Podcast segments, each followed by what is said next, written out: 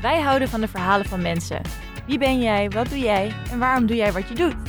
In deze podcast van bedrock.nl ontmoeten we mensen met een bijzonder verhaal. Er zijn zoveel mensen die op hun eigen manier de wereld een mooiere plek maken en daar willen we graag alles over horen. Misschien kunnen we er nog iets van leren. Ik ben Lisanne, naast mij zit Rosa en je luistert naar Bedrock Meets.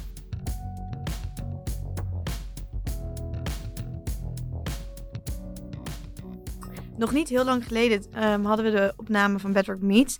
En toen interviewde uh, een hele inspirerende vrouw uh, over haar drijfveer. En zij vertelde over haar werk en haar passie. Dat gaat namelijk heel erg veel om duurzaamheid. En toen keek ik naar Lisanne en toen dacht ik ineens... waarom stel ik deze vragen eigenlijk niet aan mijn lieftallige, hardwerkende en inspirerende co-host Lisanne? Want ja, kijk, we maken deze podcast natuurlijk al twee jaar... en we schrijven stukken over persoonlijke groei bewust leven en ook heel veel over duurzaamheid. Dus daar moet toch wel ja, een soort van passie achter zitten, dacht ik ineens. Wist ik natuurlijk al, maar hoog tijd volgens mij om elkaar het hemd van het lijf te vragen. Brilliant. Ja, Roos die kwam ermee en ik dacht, ja, dat is eigenlijk best wel leuk. Want ondanks dat je van jezelf misschien niet altijd vindt dat je iets heel bijzonders doet, kan dat natuurlijk wel gewoon zo zijn. En uh, wij spreken heel veel hele bijzondere mensen voor ons werk. Dus ja, daar raken we ook wel heel erg geïnspireerd door. En misschien hebben we wel wat gewoon zelf ook wat te vertellen.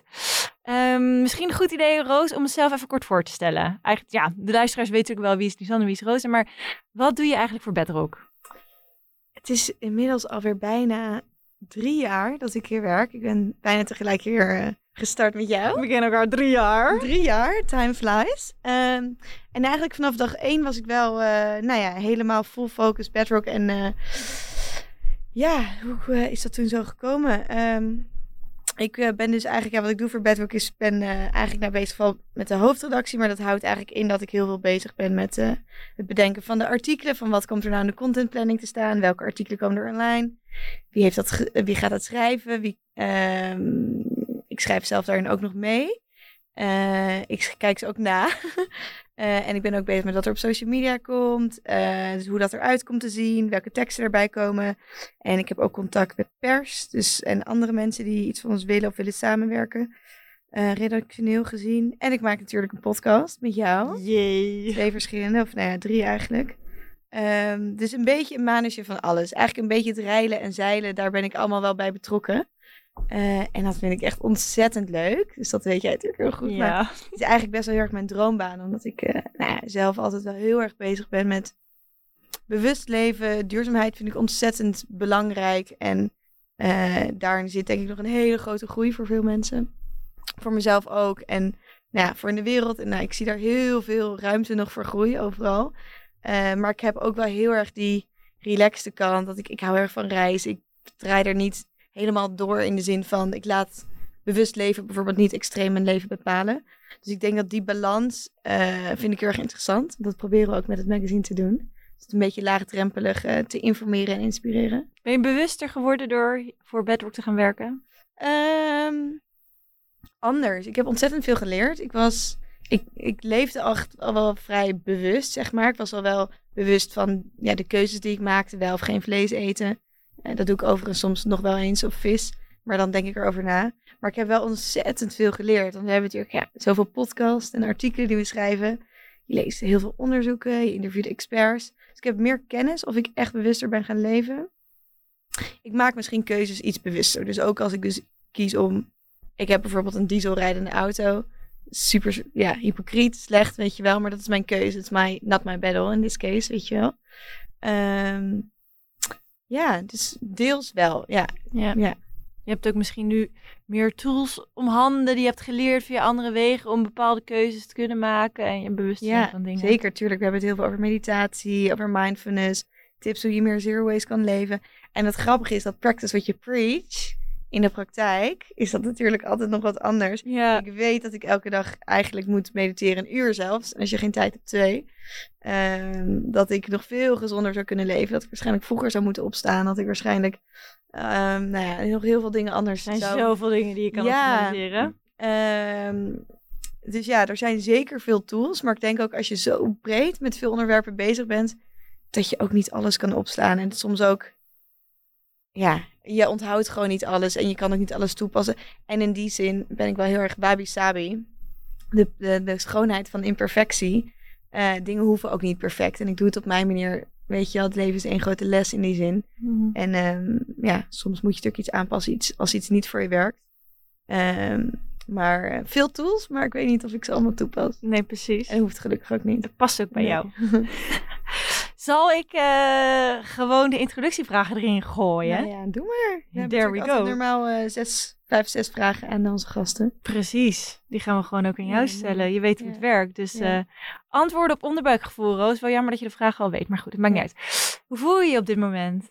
Jawel, ehm opgelaten op een goede manier. Vrolijk en energiek, maar dat heb ik vaak als ik met jou praat. We hebben best wel... denk ik, En dynamiek! Een dynamiek. En we, ja, het is toch, ja, mensen werken met energie en dan gaat het omhoog. Dus ik vind het wel leuk. Ik vind het ook een beetje spannend. Heel gek om ineens zo over jezelf te praten. Zelf aan de andere kant dan van ook de tafel te is of zitten. zo. Maar ehm, nee, ik voel me nu goed. Ja. Mooi. Dat is een goede instelling om erin te staan. Oké, vraag 2. Doe je nu wat je altijd al hebt willen doen in je leven? Nou, ik wilde altijd dolfijnentrainster worden, dus dat is mislukt. That went wrong. Ehm, ik weet niet of ik doe wat ik altijd al heb willen doen. Want wat is dan altijd al heb willen doen? Ja. Nou, ik heb zelf hier ook over nagedacht. En toen dacht ik, je kan hem uit heel veel verschillende Ja. kanten. En aan de ene kant denk ik ja, aan de andere kant denk ik nee. Ja, het is lastig. Ik weet niet. Ik wilde altijd denk ik iets met dieren doen. Ik ben echt heel erg dieren. Je bent een enorme dierenfan. Ja, en ik heb wel sinds Zuid-Afrika ook eh, vrijwilligerswerk gedaan met dieren. Nou goed, dat was in de praktijk. Dat is natuurlijk veel minder romantisch dan hoe dat dan eh, in het echt gaat. En ik kom best wel uit een mediafamilie. Dus ik denk dat dat best wel met de paplepel is ingegoten dat ik nu schrijf. En dus ook podcast maak en gewoon ehm, ja, daar veel mee bezig ben. Ik weet niet of ik dit zo altijd... Ja, het is gewoon eigenlijk heel natuurlijk zo gefloten. Ik heb er nooit echt over nagedacht. Natuurlijk dacht ik wel van, oh ja, schrijven ligt me wel. Dat zou ik wel willen doen. Ehm, maar het leven is wel zo gevormd dat ik bepaalde interesses kreeg in groei, in bewust leven, in nou, allerlei dingen on- on- ontdekken. Weet je wel, of het nou je persoonlijke groei is of gezond leven of letterlijk de wereld ontdekken. En dat dat nu dan zo samenvalt met mijn baan is wel echt dream job. Ja. Zeker. Ja, maar ik weet niet of dat dan als klein kind of... Nee, daar was ik nog niet zo mee Want bezig. zou je, als je nu denkt aan de toekomst, zou je dan nog iets, wel iets met dieren willen doen? Ja, zeker. Ik eh, ja, denk het wel, maar misschien niet per se. Ik heb ook zoiets van, ja, weet je, je hoeft ook niet van alles meteen weer een business of een bedrijf te maken. ik Zeker bedoel, als ik niet. later drie honden en een ezel heb, maar kippen, ben ik ook blij, weet Voor mijn gevoel is dat ook wel een klein beetje een ziekte van deze tijd hoor. Dat Ja, eh, ook even van je passie je werk maken. En waarom moet dat meteen per van alles over, oh ja, daar zit nog een business in, weet je wel. Ja, dus die druk voel ik niet zo op die manier.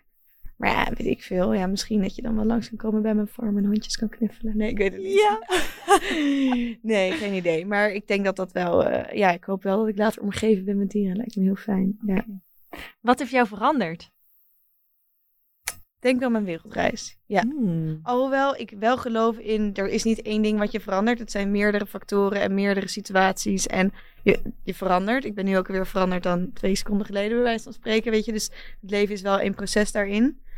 Ehm, maar ik ben toen ik, ja, hoe oud was ik eigenlijk? 22 of zoiets, 23. Was ik afgestudeerd en toen ben ik dus op een, eh, ja, niet echt een wereldreis, een mini-wereldreis eh, gegaan. Eh, dat moest een jaar duren, dat duurde 2,5.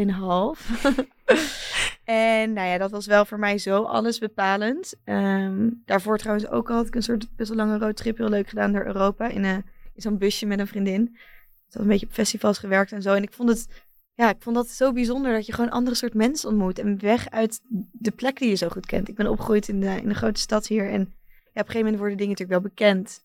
En je komt mensen tegen en mensen een bepaald beeld van jou. En ja, de straten ken je goed, de dingen die er, zijn, eh, die er te doen zijn, ken je goed. En ik vond het echt heel ja, verademend eigenlijk dat, eh, dat je ja, ja, toch een soort ander persoon wordt in een andere omgeving. En andere mensen leert kennen. En nieuwe, gewoon überhaupt natuur, dat kennen we natuurlijk niet hier in zulke extreme als in het buitenland. Dus dat heeft wel mijn ogen echt wel geopend. Echt wel opener geworden, denk ik, naar andere mensen. Ehm, ook wel geïnteresseerder, ook wel soort ja, haat-liefde verhouding met mijn thuisland daardoor ook wel. Van ik voel me op andere plekken zo op mijn gemak in de natuur. Eh, en dan vind ik dat soms hier best moeilijk. Ehm, dus dat is ook nog wel altijd een strijd, moet ik zeggen, bij mij. Ehm, maar dat heeft wel echt, ja, dat is wel mijn grotere verandering geweest, denk ik. Ja, misschien dat het je heeft doen beseffen inderdaad van de deur is echt veel meer dan, dan Nederland, dan Ja. Amsterdam. Er zijn zoveel leuke plekken waar je nog kan Ja. heen kan gaan, mensen die je kan ontmoeten. Ja, ik heb toen ook wel echt andere levens, ja, een andere blik op het leven gekregen. Wel echt, ehm, ik denk, ja, nou goed, dat is dus een beetje mijn visie. Maar ik denk gewoon dat een mens wel gemaakt is om voornamelijk in de natuur te zijn. En niet de hele dag tussen vier muren te zitten, naar huis te gaan en dat dan weer te doen. En ik snap wel dat ze dat hier natuurlijk wel doen, want je hebt ook steden en daar valt ook heel veel voor te zeggen. Ik bedoel, ik ben ook heel vaak uit geweest en ik hou ook van cafés.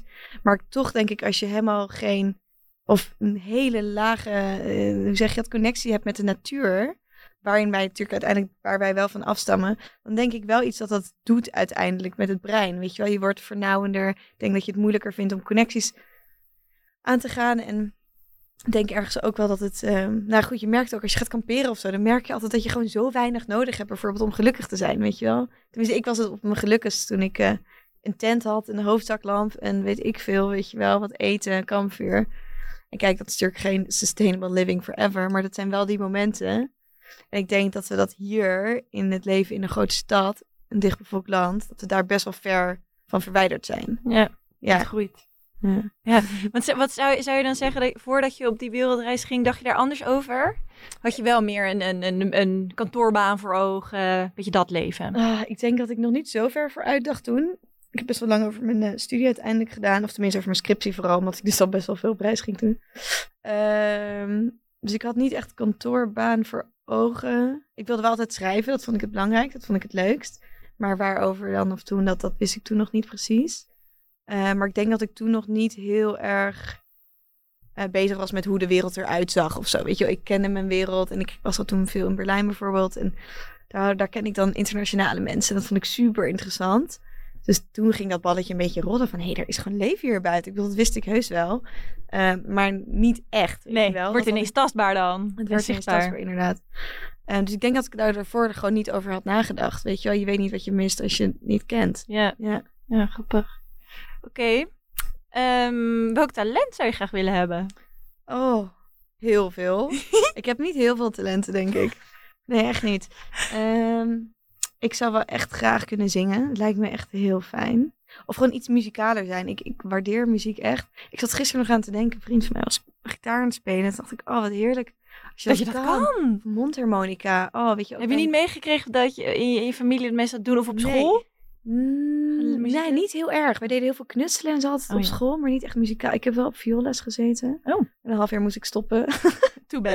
ik zat oefenen in de woonkamer. Ja, dat is niet prettig om daarnaast te zitten. natuurlijk. Oh ja, ja, precies. Nee, ja, ik ben meer sport- sportief aangelegd, denk ik. Ik had meer van sporten en echt heel veel verschillende sporten gedaan. Dat is ook goed. Ook goed, ja, maar toch, muziek is wel iets kalmerends, weet je wel. Ook Mhm. s'avonds als je nog lekker kan pingelen of ook als je buiten bent bij een kampvuur en iemand speelt gitaar, dat is toch zoiets magisch. Of een stem, dat maakt gewoon emoties los. Ja, Ja, is ook zo. ja. Oké, zingen. Wat is je levensmotto? Deze hebben we al een keer behandeld. Ja, vorige podcast. Ehm, nou, het was dus een quote van eh 365 dagen succesvol. ehm, een ontwikkelingsplatform. En eh, dat was vooral toen ik terugkwam van reizen heel erg handig. Want die quote ging als volgt. De wereld verandert als jij verandert hoe je naar de wereld kijkt. En ik zat natuurlijk helemaal in de knoop ehm, met het leven daar en hier. En wat ik nou wilde en waar ik gelukkig van werd. Eh, maar ook misschien wat ik verwachtingen had die niet realistisch waren van hier. Ehm, dus dat hielp mij heel erg. Maar dat is geen levensmotto. Nee, maar wel mooi. eh, het is geen levensmotto, Nee. maar wel een... Ja, hoe kan, je, hoe kan je dat noemen? Ja, Ja, een, is- ja, een inspirerende... Een zin, ja. quote. En ik denk voor nu misschien, even kijken hoor, wat... Ik heb altijd wel van mijn moeder meegekregen, je best is goed genoeg. Ik ben geen perfectionist, ik doe wel veel, ik ben erg gedreven. Maar ik ben niet iemand die, ja, weet je, er heel erg over kan inzitten. Als iets nu eenmaal niet perfect is of het gaat niet zoals je het wil. Best wel, oké, prima, dan gaan we weer verder. Weet je, linksom of rechtsom. Het komt goed, hoe, hoe dan ook. Dus ik heb wel zoiets van, Goede eigenschap. Ja, nou goed, valt wat voor te zeggen. Ik bedoel, als je bijvoorbeeld chirurg doet, bent en eh, je bent ongeveer goed, dan is het dat is niet eh Andere anders situatie. natuurlijk. Maar ik denk dat ik meer, eh, ja, ja, ook wel heel erg de kracht van imperfectie inzie. Ja. Ja. En wie of wat, wie of wat inspireert jou? Dat vind ik dus moeilijk. Ik had natuurlijk al over deze vraag nagedacht. Maar ik vind het best wel lastig, omdat ik denk niet dat het één persoon is. Ik denk dat ik gaandeweg in mijn leven met mensen heb gesproken en nog steeds praat. En bijvoorbeeld dat is ook met jou, maar ook met mensen die we interviewen of iemand die ik ontmoet op straat. Of iemand die je moet in een bus of ergens. Dat zijn hele kleine dingen. En ik kan soms heel erg opkijken tegen mensen die op een bepaalde manier naar een situatie kijken. Of eh, een bepaalde manier het leven zien. Of op een bepaalde manier met mensen omgaan. Of heel erg geduldig zijn. Dat zijn, vind ik soms moeilijk. Ehm, dus ik denk dat ik mijn inspiratie niet uit één iemand haal, maar meer ehm, uit verschillende dingen. Ook wat ik wel heel erg geloof, dat iedereen wel uniek is. En ik denk als één iemand je erg inspireert, denk ik, ja, dat is dan heel mooi. Eh, maar dan voor een bepaalde, ja, één ding, weet je wel. Dus ik zou niet eh, echt zo één iemand eh, Ja, kunnen opnoemen Geen eigenlijk. voorbeeldachtig. Nee, dat vind ik eigenlijk wel moeilijk. Wie inspireert me? Oké, hoeft ook niet. Nee. Oké. Ehm, ja, jij zei het net al even. Je kwam over. Het ging heel kort even over je reis. Toen zei je dat je in Berlijn hebt gewoond. Je hebt ook nog door Oost- Oost-Europa gereisd. En dit is precies wat ik altijd zo grappig en mooi vind aan jou. Ik ken je nu al drie jaar, maar ik heb nog steeds het idee dat er dingen zijn dat je ineens zegt. En dit heb ik ook nog gedaan. Dat ik denk. Ook dat nog. En je bent pas 28. Dus Roos, neem me heel even mee. Van jouw leven vanaf, nou ja, ik denk ongeveer je studietijd tot nu toe. Wat heb je allemaal gedaan en hoe kwam je hier in godsnaam allemaal terecht? Wauw. Maar dat kan ik echt niet zo zeggen.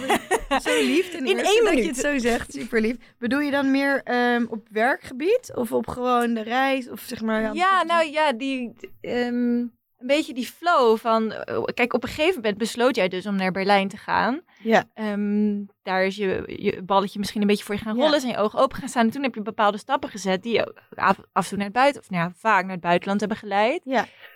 Nou, ik denk dat ik vrij nieuwsgierig ben van aard. eh, en ook vroeger wel meer dan nu veel energie had. En veel nieuwe dingen wilde beleven. En leuke nieuwe mensen wilde ontmoeten. En ook een drijver had voor mijn studie. En ik schreef ernaast. En ik had een blogje. En daar deed ik dan ook allemaal random verschillende bijbaantjes bij. Ehm, ja, ik weet niet. Dus dat, dat zat er denk ik gewoon, dat zat er al een beetje in. En in Berlijn ben ik toen beland, omdat mijn beste vriend daar woonde. Die, ja, daar ging ik op bezoek. En daar ging echt een wereld voor me open aan superleuke mensen die ik ontmoette. En gewoon ja, leven buiten Nederland eigenlijk. Ehm, ik was ervoor heel erg gericht op Amsterdam. Dus ik schreef toen ook voor het Parool. En dat had ik een beetje zo mijn specialisme gemaakt. Dus Amsterdam, Amsterdam. En toen ging dus wel echt het balletje voor mij rollen van... Oh ja, daar zijn dus... Ja, daar heb ik toen een meisje ontmoet. Die is nog steeds mijn beste vriendin. Dit is al zeven of acht jaar geleden. Was Australisch. En toen dacht ik, nou ja, daar heb je dus ook allemaal leuke mensen. En toen in één keer dacht ik, ja, dat wil ik dus ook.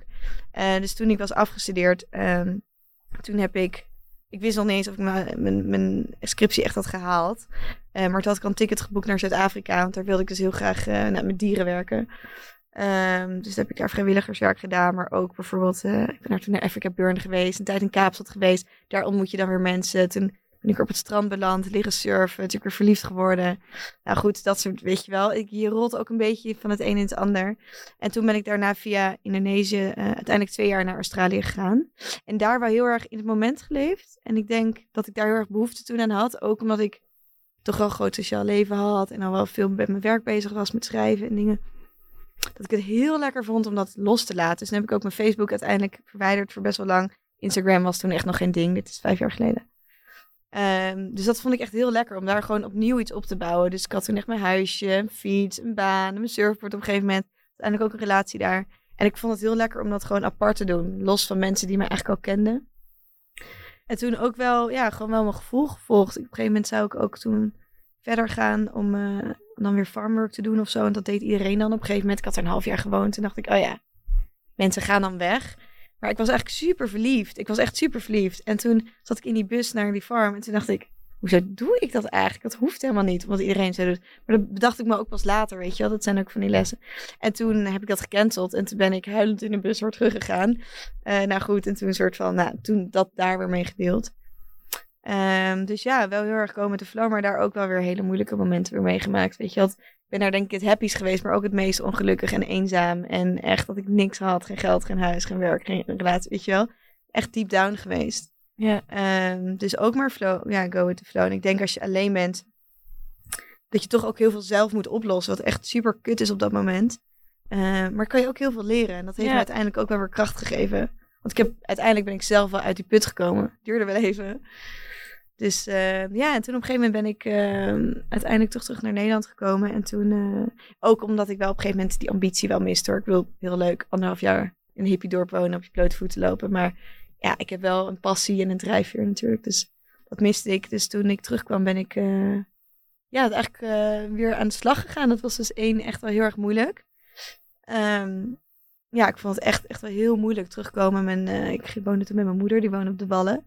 Amsterdam. Dus echt naar druk, toerist, toeristen, maar frieten, ketchup op de grond overal. Compleet tegenovergestelde. Ja, en ik had de laatste drie maanden ook echt gereisd in the middle of nowhere. Weet je wel, dan moesten we gewoon, ja, als je naar het toilet moest, nummer twee, moest je gewoon een kuil graven.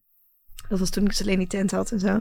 Dus dat was ehm, echt heel anders. En toen ben ik, nou, niet depressief, maar wel sterke depressieve gevoelens gehad. Dat het echt al negen maanden heeft aangehouden. Ik kon echt niet aarden. En dat is ook, dat zou ik nu dus anders doen. Mm, het was ook lastig, weet je wel. Want dan moet je dus één keer de arbeidsmarkt voor het eerst en een huis zoeken. En gewoon je plek in de maatschappij. Mijn vrienden werkten ineens allemaal, hadden geen tijd. Was over drie weken. Ik kon er een keer afspreken. Oh ja, het drukke leven nou, in de stad. huilend. Ik had het hier dus laatst met mijn moeder over. Die zei, je hebt gewoon twee dagen gehuild toen. toen ik terugkwam. Ik vond het zo erg. Dat herinner je jezelf ook zo? Of dat moest je moeder je nog even nee, dat, vertellen? moeder- dat heb ik ook wel een beetje. Ik bedoel, aan de ene kant zijn de eerste wereldproblemen allemaal natuurlijk. Dus zo erg was het ook niet. Maar ik, ik, ik heb er wel moeite mee gehad. Ja, En toen op een gegeven moment eh, ben ik toen aan de slag gegaan bij een persoonlijk ontwikkelingsplatform. Eh, super tof, daar echt ontzettend veel geleerd. Eh, ook over mezelf, omdat het is een eh, ja, hele toffe opleiding en deden zij. hoe kwam je daar terecht dan? Ja, internet, echt letterlijk. Ah. gevonden via internet. Dus Oh, dat ja. was ook gewoon toeval. Want Toeval. ehm, ook wel echt, dat heeft me dat in die zin ook wel echt gered. Want ik voelde me toen echt niet. ik zat gewoon Lekker. weinig zelfvertrouwen daardoor ook. En nou, inhoudelijk veel geleerd en jobwise. Dus daar eh, nou, echt super mooie kans gehad. En toen op een gegeven moment zag ik dus de facturen hier eh, vrijkomen. Ehm, en toen viel helemaal alles op zijn plek, weet je wel. Dat ik dus en mijn schrijven en ja, ik vond de persoonlijke ontwikkeling interessant, maar toch ook wel heel erg duurzaamheid en ja, breder dan alleen mind, zoals we die eh, het thema bij Bedrock noemen. Ehm, dus dat was ook wel grappig, dat je dus op het ene moment echt deep down in de goot ligt en op het andere moment vond ik ook nog eens mijn droomhuis, weet je wel, met vrienden. En het was echt allemaal, nou, dat je echt denkt, uiteindelijk komen dingen allemaal wel op zijn pootjes terecht.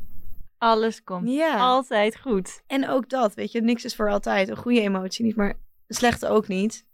Dus ja, we'll see. Dus dat is een heel klein beetje soort van... En goed, dat ook weer drie jaar geleden. En eh, ja, ook wel bijzonder. Ik kon ook niet bedenken dat ik toen drie jaar hier zou werken, weet je wel. Nee. Ik, heb er nog steeds geen genoeg van. Dus dat is wel eh, ook wel heel mooi. Dat het leven ook gewoon...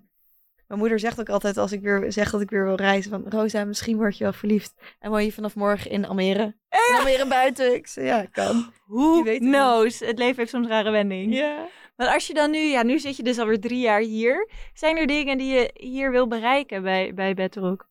Ehm, zeker. De podcast was een hele grote. Hm.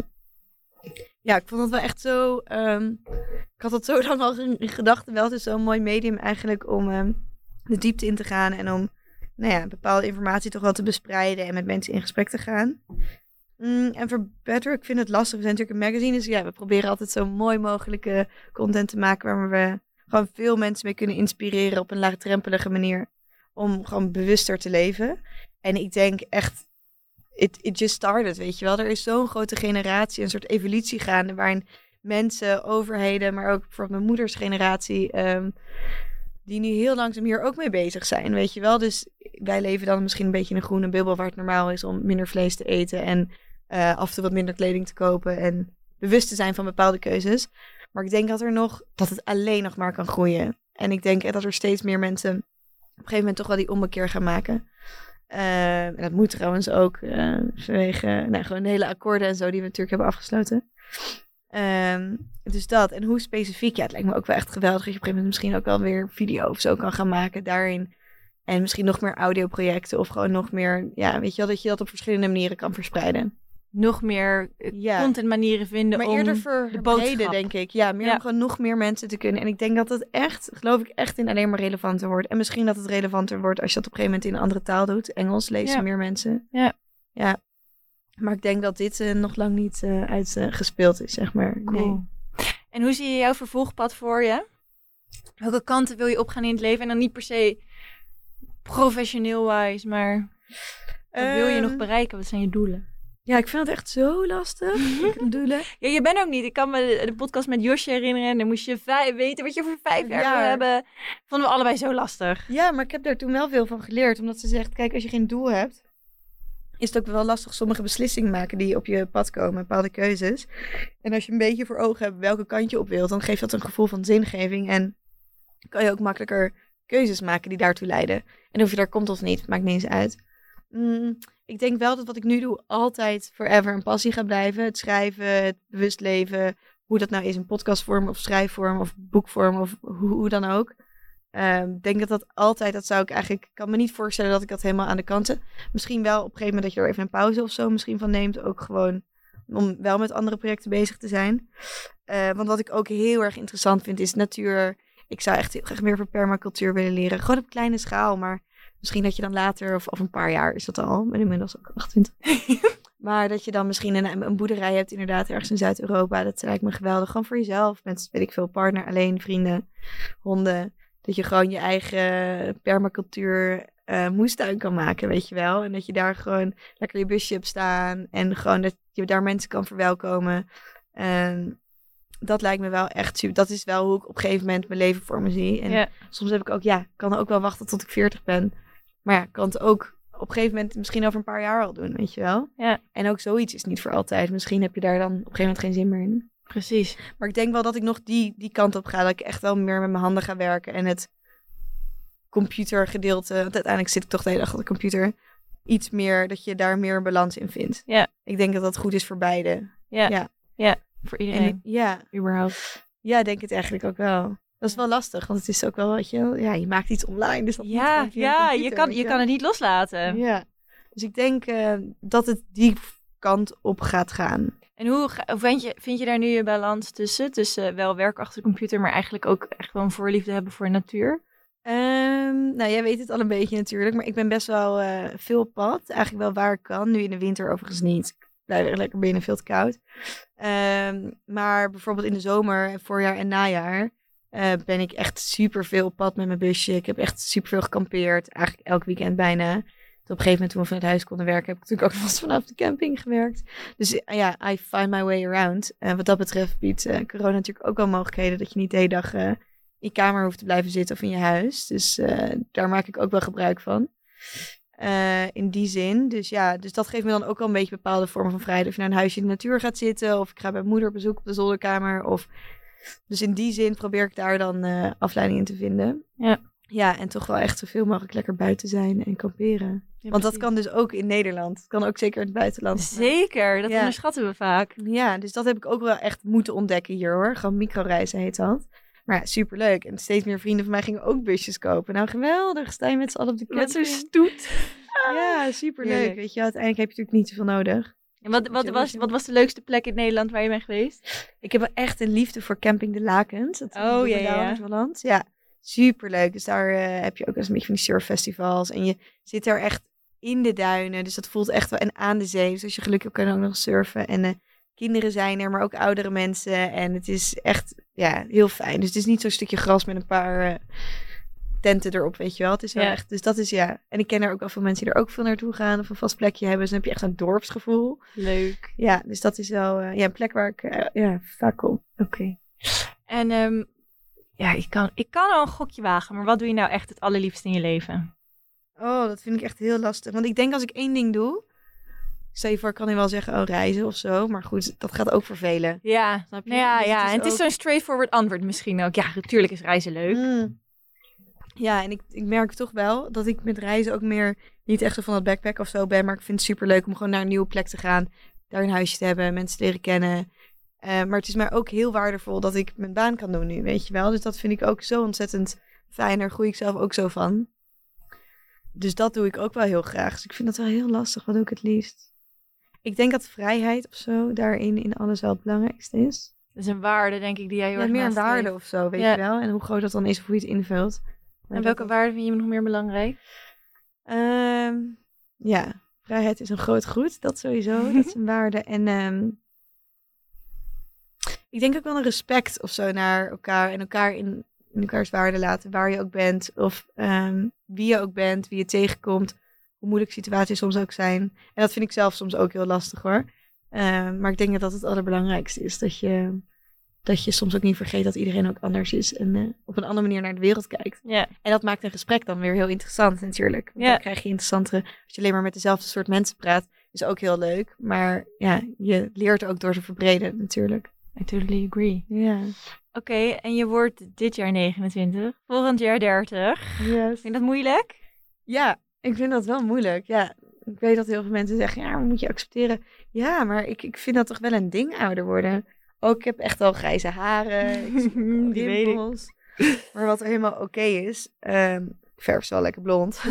maar ehm, ja, nee, aan de ene kant gaat het leven ineens zo snel als je ouder wordt. Ja, mee eens. Ja, dat vind ik echt heel raar. Want ik doe altijd best wel veel. Ik heb echt al heel veel dingen gedaan. En nu heb ik ook het gevoel, shit, maar het leven gaat zo snel. Ik ben al drie jaar hier, moet ik niet nog meer dingen doen? Weet je wel, ik wil ook nog dat leren of dit. Dan denk je, shit, heb ik daar nog wel allemaal tijd voor of zo? Weet je wel, het leven is natuurlijk wel anders als je begin 20 bent dan als je misschien 40 bent. Ja. Maar dat hoeft niet, Nee. trouwens. Ik heb ook met iemand gereisd, die was 61, hippievrouw in haar old school bus. Dat was echt super leuk. denk ik, ja, dat kan ook als je dat wil.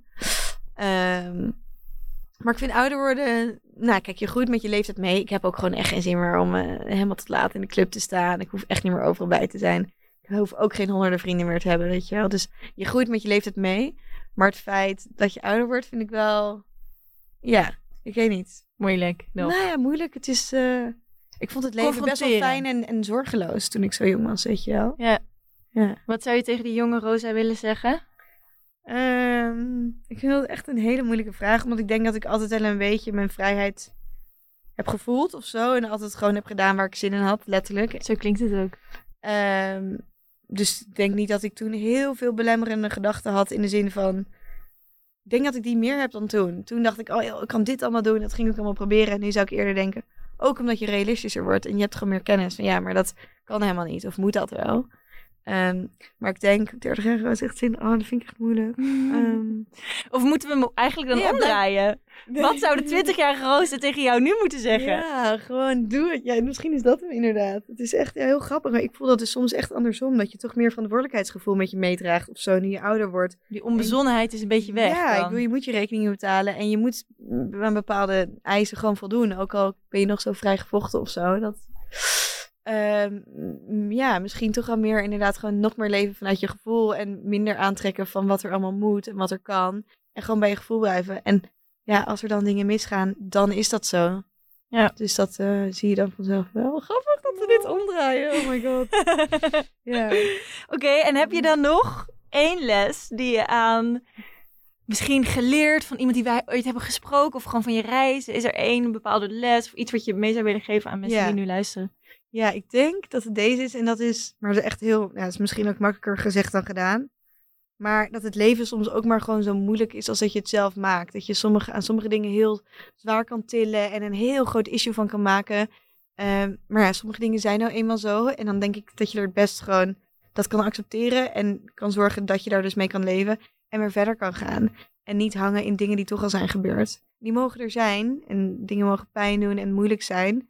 Maar laat het je leven niet belemmeren. Het is zo zonde. Er zijn echt zoveel mooie dingen. En je kan je leven echt, denk geloof ik, wel een beetje zelf inkleuren. Je moet er alleen soms ja, wel iets voor doen. Moeite voor doen. Ja, toch wel een stap zetten of zo. Of uit je comfortzone. Of ja.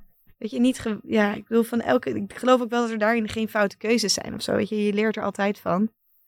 En eh, je gaat misschien wat vaker op je bek. Maar ja, daar leer je alleen maar van. Vaak zijn dat toch wel de momenten waar je van leert. Of ja, waar je soort vreugde uit haalt. Ja.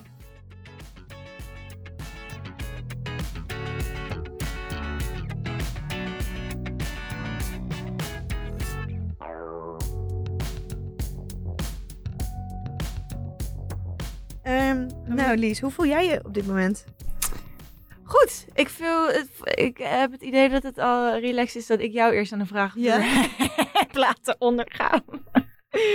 Waarom? Nee, voel me Vind je goed. dat spannend? Hmm, ja, ik heb wel een beetje het idee van, ja, mijn verhaal, lekker belangrijk. Dat vind, en dat vind ik spannend. Zo van, ja, wat heb ik nou te vertellen? Terwijl je heel veel hebt te vertellen, Lies. Ik ken je inmiddels. We gaan het, mee- we gaan het meemaken. Maar je voelt je gespannen nu. Ja, maar dus op een goede manier dan. ja. Hetzelfde als wat jij had. En doe jij eigenlijk nu altijd al wat je hebt willen doen in je leven? Nou, ja, ik heb er dus inderdaad over nagedacht. En toen dacht ik, nou, heel grappig, want ik wilde... eh, we hebben Marieke geïnterviewd, die riep heel hard dat ze musicalster ster wilde worden. Vroeger wilde ik ook altijd worden, sloeg nergens op, vond het gewoon fascinerend. Nooit naar veel musicals geweest of zo, maar dat leek me gewoon altijd leuk vroeger. Totaal geen aanleg om te dansen of te zingen of wat dan ook. Ehm, daarna wilde ik altijd kapster worden. Dus als je daar naar kijkt, nee, niet geworden waar ik altijd, altijd al heb willen worden. Eh, maar als ik dan kijk naar de dingen die ik vroeger deed toen ik klein was, ik was heel veel eh, dingetjes aan het maken. Ik knutselde veel, ik tekende veel. Ik speelde ook heel veel buiten. Ehm, maar ik, ik maakte mijn eigen tijdschriften. Ik heb gewoon echt letterlijk de Lisanne. Ik bedoel, Linda, eat your heart out. Ik was daar al mee bezig toen ik 12 Wat was. stond erin dan? Gewoon vijf edities heb ik daarvan gemaakt. En ja, daar stonden dingen in als... eh, Wie je verliefd was die week. ja, maar ook gewoon dingen die ik dan misschien overschreef uit, uit de Tina of andere tijdschriften, weet je wel. Gewoon tips voor een gebroken hart. Of eh, een verhaal dat ik dan schreef. Ik heb letterlijk ook boeken gemaakt. Gewoon, maar nooit afgemaakt. Hè? Gewoon dan begonnen met een soort mm, boek wat, ik dan, dat, wat me leuk leek om te schrijven over een verhaal over twee mensen. Ehm, ik had altijd al ideeën om een krant te maken. En dat wilde ik dan faxen naar al mijn vriendinnen. Want mijn vader had een fax voor zijn werk. En dan, dan wilde ik dat helemaal gaan uittekenen en schrijven en opfaxen naar vriendinnen. Ik heb letterlijk vroeger radio gemaakt met een cassettebandje in mijn eh, cd-speler. En dan ging ik daar zo in praten. En, eh, dat, en vervolgens liedjes op, afspelen met cd-speler en opnemen met cassettebandje. Dat een hele radio zo werd. En wat doe ik nu? In die end maak ik hier podcasts en, werk ik ontzettend veel dingen. Misschien is het ook leuk om even te vertellen wat je eigenlijk precies doet. Oh ja, nou, dat is op zich wel een goeie, inderdaad. Nou, onder andere host ik met jou dus ehm, deze podcast. Ehm, maar eh, mijn functie is eigenlijk teamlead. Ehm, en ik ben coördinator van verschillende platforms, waaronder dus Bedrock. Maar daaronder vallen ook Culi.nl, Wound.nl, Ensemble.nl, Beautify.nl, Van.nl en ook nog een paar .nl'tjes. Ehm, dus ik stuur de teams aan, ehm, heb contact met sales, eh, overkoepelende strategieën. Brandjes blussen, heel veel brandjes blussen is het.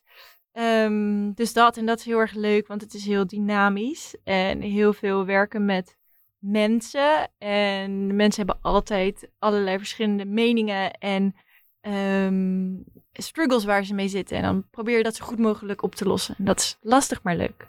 Maar heel grappig eigenlijk dat je dus vroeger al zo'n bezig bijtje was. Dat ben je nu eigenlijk ook wel. Want eh, ja. je, je kan best wel veel verschillende dingen. Je bent best wel snel. En ik denk dat er in jou ook wel een soort creatief vuurtje zit. Wat altijd Ja. brandend is. Ja, enorm. Ik zie altijd wel overal een soort van alles is bijna een projectje voor mijn gevoel en dan het en het mijn interesses zijn ook best wel heel erg breed. Daarom is het zo- ook zo heel erg leuk dat ik deze functie heb, want ik kwam hier eigenlijk te werken doordat er een functie was voor de voor Culi.nl als hoofdredactrice, maar dat is uitgemond in een teamlead functie voor verschillende platforms wat veel beter bij me past.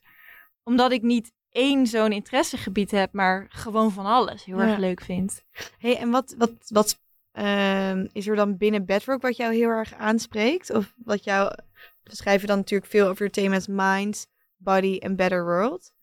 Ehm, ik was heel veel bezig met voeding. Vanaf mijn 18 ongeveer ging dat me een beetje interesseren. Dus dat is misschien wel de pijler die me het meeste aansprak eh, binnen Bedrock toen ik hier kwam. Ehm, samen met duurzaamheid. Ehm, maar ondertussen denk ik dat de pijler mind veel meer dat dat, dat me de pijler is die me toch wel mijn interesse dat ik daar het liefst over schrijf. Ja, toch wel het stukje mens. Eh, grappig dat dan toch allemaal op zijn plek komt. Ja. hey, en is er bij jou iets in je leven wat jou heel erg heeft veranderd? Ik verander denk niet, maar ik ben tijdens mijn studie, ehm, eh, ik denk dat ik een beetje diezelfde ge- gevoelens had als jou van, er, er, er is meer dan alleen Nederland en meer dan alleen ehm, het dorp waarin ik woonde en de stad waarin ik mijn studie deed. Dus ik wilde heel graag naar het buitenland. Ehm, dus toen heb ik mijn stage aangegrepen. Ik studeerde digitale media. En ik heb mijn stage aangegrepen om naar het buitenland te gaan. In eerste instantie wilde ik heel graag naar Berlijn of naar Parijs of naar Londen. Echt zo'n stad. Ehm, was allemaal al eh, vergeven. Dus toen eindigde ik in Zweden. Maar daar ben ik zo dankbaar voor dat ik in Zweden ben geëindigd. Ja, misschien had je het ook ergens anders prima even goed naar je zin gehad. Maar ehm, ik kwam daar op een campus terecht. ehm, waar alle, alle studenten leefden op die campus. En daar heerste zo'n enorme community. Vooral onder de internationale studenten. En ehm, daar heb ik heel erg geleerd. Ten eerste dat ik mezelf in mijn eentje kan redden.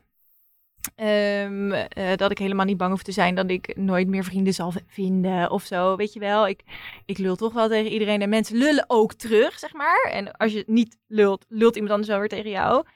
Ehm, dus dat vond ik daar heel erg leuk om te merken. En ik heb daar, ja, dat klinkt een beetje raar, maar misschien mezelf wel een beetje gevonden. In de zin van dat je merkt wie je dan daadwerkelijk bent. Omdat in de, op de plekken waar je altijd al was, daar hebben mensen een bepaald beeld van je. En dan ga je misschien naar handelen. Maar ik had het gevoel dat ik daar echt heel erg mezelf kon zijn. Ehm, en Alsof je een beetje opnieuw begint eigenlijk. Ja. En toen merkte ik eigenlijk ook wel van, oh ja, maar diegene die ik thuis ben, die kan ik hier misschien wel nog meer laten bloeien, zeg maar. Dus dat heeft me misschien wel, ja, meer gevormd tot wie ik nu ben. Merk je dat je daarna dus ook bijvoorbeeld opener was of meer bloeiend? Of hoe je dat ook zou omschrijven toen je thuis kwam? Uh, ja, ik, ik merkte vooral dat ik toen ik thuis kwam, iedereen hier zo uh, een soort van oogkleppen op en je ging, uh, ging hier weer uit in een club. Toen was ik uh, 19, dus dat vond ik toen nog heel erg leuk. en dat, dat dan mensen die je alleen maar gingen aanspreken omdat ze bijvoorbeeld iets van je wilden. Dus dan kwamen jongens met je praten, want ze wilden je veroveren die avond, weet je wel. Terwijl in Zweden ging iedereen met iedereen praten, want we wilden vrienden er, maken. Ja. Dus ik merkte vooral dat ik toen wel een beetje een aversie kreeg tegen, daartegen juist. Uh, dat ik misschien wat meer open was gaan staan, maar andere mensen dat er nog... misschien misbruik van gemaakt werd, van die openheid. Ja, ja, niet dat ik het idee heb dat er misbruik van is gemaakt, maar ik vond dat toen wel een beetje lastig om te merken. Ja, ja dat kan ik me wel voorstellen. Welk talent zou je graag willen hebben? Um, ja, dan zou ik toch wel graag, heel graag goed willen kunnen dansen. Dat vind ik gewoon echt heel knap als mensen zo... Wat voor soort dans? Ja, dat, een beetje dat uh, hip-hop. Oh ja? past totaal niet bij mij. Maar ik weet niet, dan zie ik filmpjes op uh, Instagram Reels of zo van mensen die dan zo of heel mooi sensueel met hun lichaam kunnen bewegen. Nou, ik ben één houten hark. Um, dus daar ben ik wel een beetje jaloers op. Heb je wel eens op dansles gezeten? Ja, ja, ja, ja. ja. Op hip-hop? Nee, ja, jazzballet heette dat. Oh, ja. Het was inderdaad een beetje street dance. Bakte ik natuurlijk geen pannenkoek van. Ik vergat elk danspasje, net zoals ik nu ook heel veel dingen ben heel vergeetachtig. En ja, dat zie je ook terug in mijn dansjes van vroeger. ik zat altijd achteraan, weet je wel, zodat je diegene vooraan kon afkijken. Ik moest zelfs huilen naast de dansklasse, omdat oh, ik gewoon, ja, het is toch moeilijk, hand-voetcoördinatie. Ja, nou dat alleen al, inderdaad. Dus dansen, dat is een hele mooie. en heb jij een levensmotto? Ja, die heb ik toen ook um, gezegd. Ik heb er nu eens over nagedacht. Heb ik dan een ander, uh, in de podcast met Marieke hebben we het erover gehad, nog nagedacht van heb ik dan een, een ander, maar... Um, nee, ja, make it happen is het. En dat gaat er gewoon over dat ik uh, er echt van, echt van mening ben. En ik denk misschien iedereen wel met mij. Dat je er gewoon zelf, als je iets wil in je leven, moet je er zelf voor zorgen dat het, naar je, dat het gaat gebeuren. En zo, zodra je het waar gaat maken, dan komt het ook naar je toe. Ik geloof ook heel erg in de wet van de aantrekkingskracht. Dat zodra je iets wil, gaat uitspreken. Want dan komt het naar je toe. En dat heeft niks te maken met energieën of, of gekke zweverige dingen. Maar gewoon met het feit dat mensen weten wat je wil. En dat ze dan dus bij je aankomen kloppen. Heb je dat zelf wel zo meegemaakt, recentelijk nog? Uh, moet ik heel even nadenken hoor. Want eigenlijk heb je het over manifesteren, toch? Over ja. het positieve van de situatie ja. inzien en daar Precies. focussen. Ja, en ik vond manifesteren zelf eerst altijd heel erg zweverig klinken. Maar toen uh, op Workjuice, een van onze andere titels, heeft uh, Tessa een, een mooi artikel geplaatst met Willem, Willemijn Welt, heet ze volgens mij. Die heel nuchter uitlegt dat dat dus gewoon zo werkt. Ja. Wat je uitspreekt komt naar je toe, omdat mensen je weten te vinden. Ik weet nu even niet een voorbeeld uh, daarvan, zo 1, 2, 3 te. Maar misschien schiet het je zo nog te winnen. Ja, helemaal terug. En uh, heb jij iemand die jou uh, heel erg inspireert? Ja, dus niet één persoon. Bij mij gaat een beetje hetzelfde als bij jou. Wat mij heel erg überhaupt inspireert, is niet iemand, maar vooral andere plekken. Dus echt weer even ergens anders zijn. Uh, uit je, en uit je comfortzone gaan. Um, wat dus betekent met andere mensen omgaan, naar andere plekken toe gaan uh, en andere dingen proberen. Dat is vaak waar ik mijn inspiratie vandaan haal. En hoe, je do- en hoe doe je dat nu dan in de lockdown? Ja, dat is, dat is echt wel, daar ben ik ook wel echt tegenaan gelopen. Daar, daar word ik dus ook best wel, ja, misschien daar word ik dus zagrijnig van. Ik ben niet heel snel zagrijnig, maar daar wel, van, wel door. Maar uh, mijn vriend had dus bedacht dat we maar huisruil moesten gaan doen. Dus daar heb ik nu heel veel zin in. We hebben ons huis dus twee keer uitgereld. Eén keer met vrienden van hem in Parijs en één keer met vrienden van hem in Amsterdam. Dus een beetje dat soort dingen. En gelukkig maken wij deze podcast. Ja, we komen er lekker uit en inspireren elkaar. Ja, precies. En door onze gasten. Nee, dat helpt natuurlijk. En heb jij iets, iets wat jou drijft in het leven? Ik zag hem al staan, je vraag. En mijn drijfveer in het leven? Um, ja, best wel lastig. Want ik heb het idee dat ik ook best wel met de flow meevaar. eh, met de flow meega.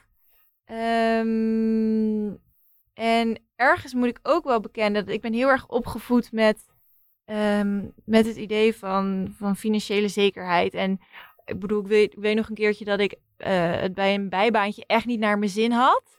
Maar ik moest van mijn ouders eerst een ander bijbaantje vinden. Voordat ik met iets nieuws zou beginnen. Weet je wel, ik mocht niet stoppen omdat ik het niet leuk vond. Ik moest eerst, eerst iets nieuws hebben. Ehm, en dat is wel echt iets wat mij nog steeds altijd wel. ehm, ja, in die zin drijft van oké, die, die, die zekerheid wil ik, wel, wil ik wel hebben. En ik vind dat eigenlijk een hele vervelende drijfveer. Want het zou kunnen betekenen dat je misschien stappen maakt die niet zijn wat je wil, maar dat je ze kiest uit zekerheid, zeg maar. Ja, waar natuurlijk ook iets voor te zeggen valt. Ik bedoel, Zeker, Ja. absoluut, absoluut. Maar het is, het is wel ergens iets waar ik voor mezelf nog een beetje een soort balans in probeer te vinden van oké, wat Tot- wil je misschien? ja, tot op zekere hoogte laat ik me daardoor drijven en wanneer kies ik echt voor mezelf. Ehm, maar eh, mijn andere grote drijfveer is dat ik, eh, eh, is wel duurzaamheid. Ik vind het belangrijk om ehm, wat ik doe in ieder geval goed te laten zijn voor de wereld en goed te laten zijn voor de, voor de mensen. Dus ik zie duurzaam wel in de zin van je kan ook echt pas iets betekenen voor de wereld als je jezelf ook goed voelt. Ja. Ehm, dus dat. Oh, heel mooi. Mooi. hè? Ik zie jou ook echt wel heel erg als een energiek en wel gedreven persoon. Ik zie, ja, maar dat merk ik wel in heel veel dingen die je doet. Je, je, je zweept die energie heel erg mee. Dus dat is heel mooi om te zien. Ja. Ja, ik, probeer, ik hoop altijd dat ik andere mensen een beetje... eh, dat vind ik namelijk ook heel erg belangrijk. Andere mensen een goed gevoel geven. Dus dat, dat misschien dat daar mijn, mijn, energie eh, zelf ook een beetje vandaan komt. En mijn enthousiasme. Omdat ik het belangrijk vind om andere mensen goed te laten voelen. I don't know why. is gewoon zo. Continue. Ehm, en op wat voor manieren eh, werk jij aan jezelf? Als we het hebben over misschien persoonlijke groei of thema's die natuurlijk veel beter komen. Leuke vraag. Ehm, dat doe ik door ehm, te reflecteren. Dus, en dan, dat klinkt echt zo super groot. Maar gewoon door soms aan het eind van de dag wel eens even stil te staan van... Oké, wat zijn nou de dingen die vandaag goed gingen? En wat zijn nou de dingen die ik morgen anders zou, zou doen, zeg maar? Ehm, en dat doe ik echt niet elke dag. Maar het helpt je wel om soms even bewuster in het leven te staan, even stil te staan. Ik doe heel veel yoga. Eh, voornamelijk de laatste tijd. Heel veel yoga. En, maar in ieder geval sowieso heel veel aan beweging. En dat is echt iets. Dat is ook me ook een beetje met de paplepel ingegoten. En ik zou me geen leven kunnen voorstellen. waarin ik niet zou bewegen. Ik word ook heel onrustig als ik drie dagen niet heb gesport. En het hoeft niet eens per se su- super hard eh, workout te zijn. Al is het maar gewoon een, een uurtje wandelen of zo. Ik ben niet de persoon die eh, twee dagen achter elkaar binnen kan zitten, zeg maar. Ehm, en dat is denk ik ook wel werken aan jezelf. Want door te sporten maak je allemaal happy hormones aan. Ehm, en zit je toch ook alweer lekkerder in je vel. Ehm, en één ding waar ik ook altijd wel enorm voorstander van ben... en wat ik dus ook echt bijna dagelijks wel eh, beoefen, is dankbaarheid. En hoe doe je dat? Ik schrijf het op in een app. Heel eh, millennial. Maar ik schrijf gewoon dan... eh, heb je zo'n super simpele app. En dan gewoon per dag... Nou, dan zit ik 's ochtends op de wc en denk ik... Nou, waar was Chris er dankbaar voor? En En dan oh, ga ik het Dus dan invullen. hou je gewoon even bij in een klein lijstje. Gewoon de kleine dingen. En wat zijn dingen waar jij dan bijvoorbeeld dankbaar voor bent? Soms is dat gewoon echt eh, dat, me, dat mijn yoga flow zo super lekker ging. Of dat ik een heel leuk gesprek had met mijn vriend. Maar het kan ook het, het lekkere zonnetje zijn. Of dat je een bananenbrood hebt gebakken wat super lekker was. Heel goed was gelukt. Ja, het kunnen echt de meest simpele dingen jouw zijn. bananenbroden ooit? Nee. toch? Jawel, ja, ja, ja, ja. Soms is heel nat van binnen. nice, dat is echt wel heel mooi. Hey, en, en wat zijn dan de dingen die jij eigenlijk belangrijkst vindt in het leven? Ja, op dit moment eh, duurzaamheid wel. In die zin dat ik echt wel denk van... Oké, maar duurzaamheid zou bij iedereen on top of mind moeten staan. Want als we daar niet aan werken... dan is alles straks overbodig geweest. Weet je wel? We moeten er nu gewoon voor zorgen dat er een toekomst is. Eh, ik kan me wel druk gaan maken om andere dingen... maar die hebben geen zin als we nu niet aan, die duurza- aan dat duurzame aspect gaan werken. Ehm, dus ehm, duurzaam... Wat was de vraag precies? Nou ja, wat jij belangrijk vindt in het Oh, ja. leven. Ja. Dus duurzaamheid. Ehm, maar de, het, en als, als ik dat zou loslaten, dan zou ik zeggen... Oh, hallo, telefoon wil ook meedoen. Dan zou ik zeggen positiviteit. Ja. Ik vind het super belangrijk om positief in het leven te staan. En ik ben zelf ook wel eh, heel positief ingesteld. Zie heel veel kansen en goed, goede dingen van in. Ik ga. Het nadeel is dat, je da- dat ik daardoor heel erg geneigd ben om moeilijkheden uit de weg te gaan. Conflict vermijden bijvoorbeeld. Het lastig vind om met mensen echt in discussie te gaan. Ehm, om altijd maar een beetje de, de goede vrede te bewaren en positief te houden. Maar dat is, dat is mijn grootste waarde ook, is positiviteit. merk ik ook echt aan jou. Je bent echt super energiek en nou, vrolijk heel vaak. Dat is toch heel... Nou ja, ik denk wel dat het de dingen zijn die uiteindelijk heel erg aanstekelijk zijn. En als voor jou duurzaamheid een grote boodschap is, eh, dan helpt ja, Positiviteit. natuurlijk ook. Ja, Want eh, vind je het soms eh, lastig om het, dat gesprek aan te gaan met je omgeving? Over duurzaamheid. Ja. Ehm, kan, kan soms best gevoelig onderwerp zijn. Ja, zeker. Nou, ik, ik vind... eh, ik ga het gesprek alleen aan als mensen er met mij aangaan. Ik ga het niet per se opleggen. Ehm, en ik vind het soms wel lastig, omdat ik... Ik vind het soms lastig om mezelf onder... Wat ik vind, om dat onder woorden te brengen. En ik heb niet altijd de juiste bronnen of de juiste tools of de juiste onderzoeken om dan daadwerkelijk met kracht mijn argument te kunnen onderbouwen. Dat vind ik soms lastig in een gesprek. Ehm, maar wat ik het eigenlijk het allerlastigst vind, is dat omdat ik het zo belangrijk vind. eh, en ik doe echt hele, ik doe heel veel dingen helemaal niet duurzaam, hè? Dus ik ben helemaal geen heilige boon. Ehm, maar ik vind het dan soms wel lastig om te zien dat er mensen zijn die daadwerkelijk nog elke dag vlees eten. Omdat ik dan denk, ja, maar het hoeft niet. Het kan zo makkelijk anders. Dat vind ik wel lastig. Ja. Is het ook. Ja. nou ja, dat is het natuurlijk ook.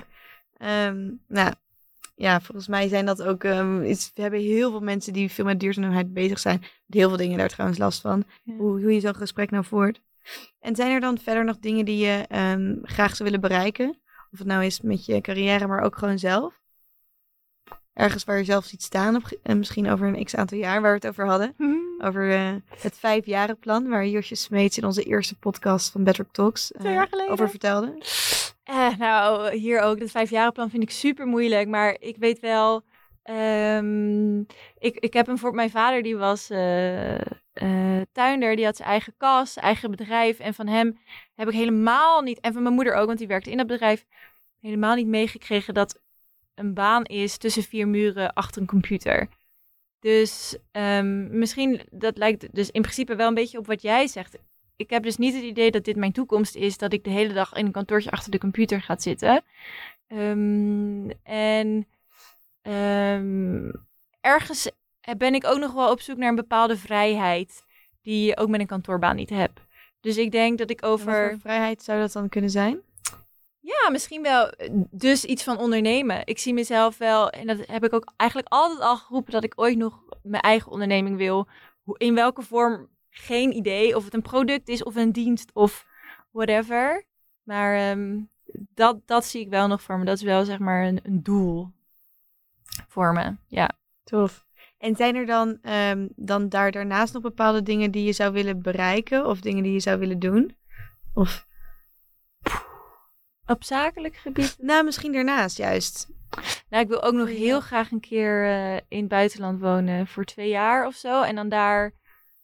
Het maakt niet uit wat ik daar dan doe, zeg maar. Dat je gewoon een beetje jezelf aan het redden bent, maar vooral aan het genieten bent van de plek waar je dan, dan bent. En dan zie ik dus ook wel weer een stad als Berlijn voor me. Ja? Jij, jij hebt het dan heel erg over in de natuur en zo. Heeft ook met leeftijd te maken, denk ik. ik ben ook 28. ja, true.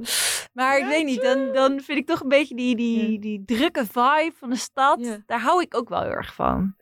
Ja, dus, ehm, ja, dus jij zou eigenlijk een beetje soort van je leven dan willen verplaatsen en dan gewoon een nieuwe plek willen vinden. Eigenlijk nog kijken hoe dat is. Ja, precies, inderdaad. Want ik ben helemaal, ik, ik woon nu samen met mijn vriend in Rotterdam en we hebben een koophuis, maar dat is ook echt voor, voor nu het meest gesettelde wat ik ooit ben geweest en wat ik echt nog wil zijn. Ik hou juist van de vrijheid van even niet weten wat de toekomst brengt. Ja, Vind ik heerlijk. nou top. Benieuwd eh, wat het leven je op dat gebied gaat brengen. Ja. Want hoe zou jouw ideale wereld er dan uitzien? In een ideale wereld werken we niet 40 uur per week, werken we niet vijf dagen per, per week. Ehm, heb je veel meer vrijheid. Ehm, en ik denk in een ideale wereld. Nou, misschien een goed voorbeeld is. ehm, eh, dat Dennis Storm in zijn boek las ik dat hij eens een keer gaan bekijken van oké, nou, eh, dit is mijn agenda en ik heb zoveel dagen per week en zoveel uren per dag. En dan wil ik eh, op de, zoveel uur besteden aan mezelf, zoveel uur besteden aan mijn familie, zoveel uur besteden aan mijn vrienden. Oké, ik heb nog 20 uur over, dan ga ik werken. En dat... Andersom gaan rekenen. Andersom kijken. Niet je agenda bepalen op dan moet ik werken en wat ga ik de rest van de tijd doen. Ja. En dat, dat zou ik echt, dat zou gewoon de ideale wereld zijn. Dat je dat eerst mag bedenken. De dingen waarvan je later, als je het 90 bent en zegt: had ik maar vaker met mijn moeder op pad gegaan. Of had ik maar vaker met mijn oma geknuffeld, weet ik veel. Dat je daar eerst naar kijkt en dan pas naar het werk kijkt. Het is denk ik ook een hele Nederlandse mentaliteit. Als ik het een beetje zo vergelijk met sommige andere landen waar ik dan ben geweest, als je hebt gewoond. Is dat we hier altijd heel erg carrière wel echt best wel hoog in het vaandel hebben staan. Enorm. En dat is natuurlijk ook niet zo gek, want er is zoveel keus. Ja. Dus weet je, je baan zegt ook iets over jou. Maar dat het hier toch ja, echt wel heel erg belangrijk is. Ik denk, um, hoe zou je dat dan kunnen verwezenlijken? Want ik kan me ook voorstellen dat in een wereld waar om jou heen mensen nog wel best wel zwaar tillen aan zo'n baan, um, hier ook gewoon fucking duur is. Ja. De hypotheek, dat scheelt. Ja, ja, precies. Maar nee, inderdaad, dat, dat is ook zo. Dus het is ook een beetje een utopie ergens hoor. en nou dan denk ik ook, wow, ja, hoe doet Dennis Storm dat? Maar ik denk uh, tegenwoordig, maar misschien is dat ook omdat dat je op het internet van alles kan lezen en was dat vroeger ook zo. Maar ik heb het idee dat er tegenwoordig meer mensen zijn um, die dus al hun werk in bijvoorbeeld drie dagen kunnen stoppen en genoeg kunnen verdienen daaraan. Ja. En natuurlijk, genoeg verdienen is ook uh, dat hoeft niet altijd meteen 5000 euro per maand te zijn. Nee. Het betekent gewoon genoeg verdienen voor jouw levensstandaard. Ja. Um, en ik denk ook dat we in een onwijs materialistische wereld leven. Uh, waarin nieuwe dingen kopen en shinen met uh, allemaal luxe spulletjes ontzettend stoer is, maar je uiteindelijk helemaal niet gelukkig maakt. Dus ik denk als we zo'n zo'n mooi beeld willen creëren. Ik bedoel, Dennis Storm is ook heel klein gaan wonen. Die woont volgens mij in een tiny house. Die heeft zijn leven heel erg geminimaliseerd ja, ik denk dat dat dan ook wel nodig is. Ja. En is vrijheid dan ook een belangrijke waarde voor jou?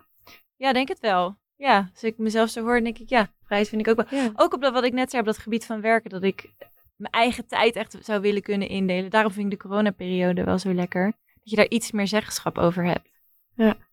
En wat zijn nog meer waarden voor jou die heel belangrijk zijn? Positiviteit dus. Um, eerlijkheid, denk ik ook wel. Ja, dat je gewoon um, op iemand kan vertrouwen. Um, positiviteit, eerlijkheid, humor. Ja, ja humor. Absoluut. Zag niet gelachen? Ja, nou echt hoor. En dat gewoon, dat ik denk, oh, je moet soms dingen ook gewoon niet te serieus nemen. En uh, het komt altijd wel goed in het eind. En de wereld vergaat niet. En dat vind ik altijd wel... De wereld niet, nou, wij misschien. Wij misschien, inderdaad. Maar daarom zou een, baan als um, chirurg ook totaal niks voor mij zijn. Want dan kan ik dat hele relativerende gedachte van... ik let geen mensenlevens. Kijk, gaat er niet meer op. Gaat er niet meer op. Dus daarom, uh, want dat, dat er mij ook wel eens in want, stressvolle situaties. Ja? Wat ja. is dat dan? Kun je dat toelichten? Nou, stel, het is heel druk op werk, of, uh, maar je hebt ook nog allerlei andere dingen. Um, en of, of dingen willen niet lukken, er hecht een deadline in je nek. En dan denk ik wel, want ik heb het gevoel dat ik dus niet heel stressgevoelig ben, omdat ik heel makkelijk kan relativeren. Ja, oké, okay, maar als dit vandaag niet gebeurt, dan gaat er niet iemand dood. Um, dus swa, weet je wel? Soms denk ik dat we hier in deze wereld elkaar wel een beetje druk zitten te maken. Maar waar gaat het nou allemaal over? En dat is natuurlijk heel anders als je in een ziekenhuis werkt. En mensen, het soms wel echt een kwestie van leven of dood, dood is. Maar um, heel vaak is dat gewoon niet het geval. Ja, we maken onszelf een beetje gek in deze maatschappij tegenwoordig. Ja. En wat is dan jouw grootste tip om dat tegen te gaan? Ik red geen mensenlevens. Ja, proberen te relativeren bij jezelf. En dat is denk ik echt niet voor iedereen even makkelijk hoor. Maar... Um, ja, het is wel een goede om te onthouden, denk ik. Ja, en misschien ook dankbaarheid beoefenen om te beseffen van waar het nou echt om draait in het leven. Waar je nou echt gelukkig van wordt. Nou, ga ik allebei bedenken volgende keer. Heel goed. Als ik gestrest ben of als ik op de wc zit. Of mijn lijstje, een dankbaarheidslijstje. hey, en uh, is er een les die je de 30 als, uh, nou goed, jij bent ook 28. Ja, net geworden. Maar volgend jaar word jij pas 29. Nou, ik ga hem gewoon even net zo doen als bij jou vragen. Wat, wat zou je straks, de, de, de bijna 30-jarige Lisanne, uh, willen bijbrengen aan de 20-jarige Lisanne? Ik denk, ik was ehm, en ben nog steeds wel onzeker, maar toen was ik wel onzeker over wat ik kon en ehm, of het allemaal wel goed genoeg was, of ik wel goed genoeg was en leuk genoeg was. Ehm, dus ik zou eigenlijk willen zeggen, meid, maak je niet zo druk. Eh, het komt allemaal wel goed. Ehm, en eh, je, je bent goed genoeg, zeg maar. Dat zou ik heel erg willen zeggen, want daar, wel- daar maakte ik me wel wat te druk om, denk ik. Ja? Ja, vond het altijd wel heel erg belangrijk. En nog steeds wat, wat mensen van me vinden. Of ze me wel of niet aardig zullen vinden. En eh, ik zou echt zeggen, laat dat, laat dat los. En dat, dat lukt me nu beter. Eh, nog steeds helemaal niet vlekkeloos. Maar dat zou ik wel nu in ieder geval tegen mijn 20-jarige zelf willen zeggen. Van, laat je gewoon niet leiden door wat anderen van je vinden. Maar kies gewoon je eigen pad. En doe voor jezelf wat goed voelt. Ja, uiteindelijk is dat toch het belangrijkste. ja. Ehm, en wat is dan de meest bijzondere les die je eigenlijk ooit hebt geleerd in je leven? Die je nog zou willen meegeven? Alsof dit het einde der eindes is. Ja, Nee.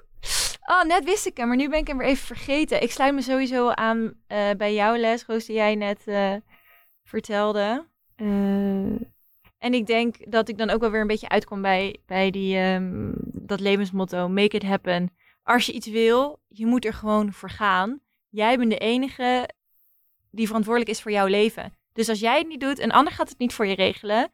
Ehm, je moet het gewoon zelf gaan fixen. En dat betekent inderdaad dat je er wat voor moet doen. Dat komt niet door lui op je gat te blijven zitten. Dus dat. Dus dat, nou, thanks Lies. Niet lullen, poetsen. inspiring. Ja. Superleuk. En wel gek om elkaar zo te interviewen, maar ook wel heel mooi. Het is fijn Ja. om daar ook eens een keer zo de ruimte voor te hebben en voor te nemen. Ja, Want zo tussendoor hoor ik je altijd al zo dingen zeggen, weet je wel. Maar, ja, precies. En dan, maar ga je nooit echt helemaal door tot zo'n echt Nee, gesprek nee, en over ik zou eigenlijk kunnen langer, langer kunnen doorkletsen. Maar goed, aan elke podcast komt een eind. Dus ook aan deze. Dus luisteraars, heel erg bedankt. Echt heel benieuwd wat jullie hiervan vonden. Eh, dus laat het ook vooral even weten in een review. Of je kan altijd even een bericht sturen op, eh, op, Op Instagram. Ja, dus Roos, wat is jouw Insta? Rosie on the road. Met een laag streepje. Ja, dat had ik ooit bedacht. Echt, om een soort travelblog te doen. Maar goed, Ik heb ooit me- bedacht dat het misschien het skateboard was, dat lage streepje. Oh, wat slim! Ja, ik heb leren skaten. Nee, ja, ik wilde ooit, dus toen ik op reis ging, eh, een soort eh, reisblogje gaan beginnen. Maar toen dacht ik dus wat heerlijk om juist anoniem te zijn. Dat niemand weet wat ik doe. Ja. Maar goed, toen had ik mijn Instagram naam al veranderd. Oh ja. En waar kunnen ze jou vinden? Lisan Marre. Nice. Lisanne van Marwijk. Dus als je vragen voor ons hebt, eh, kun je altijd een eh privéberichtje sturen of gewoon een mailtje naar info.bedrock.nl. Eh zijn er nou mensen die jij heel graag zou willen horen in Bedrock Meet? Iemand die jij heel erg inspirerend vindt of die de wereld op zijn of haar manier een stukje mooier maakt? Laat het ons vooral weten. En dan, wie weet, horen we hem of haar binnenkort in onze podcast. Jee, tot de volgende keer. Ciao!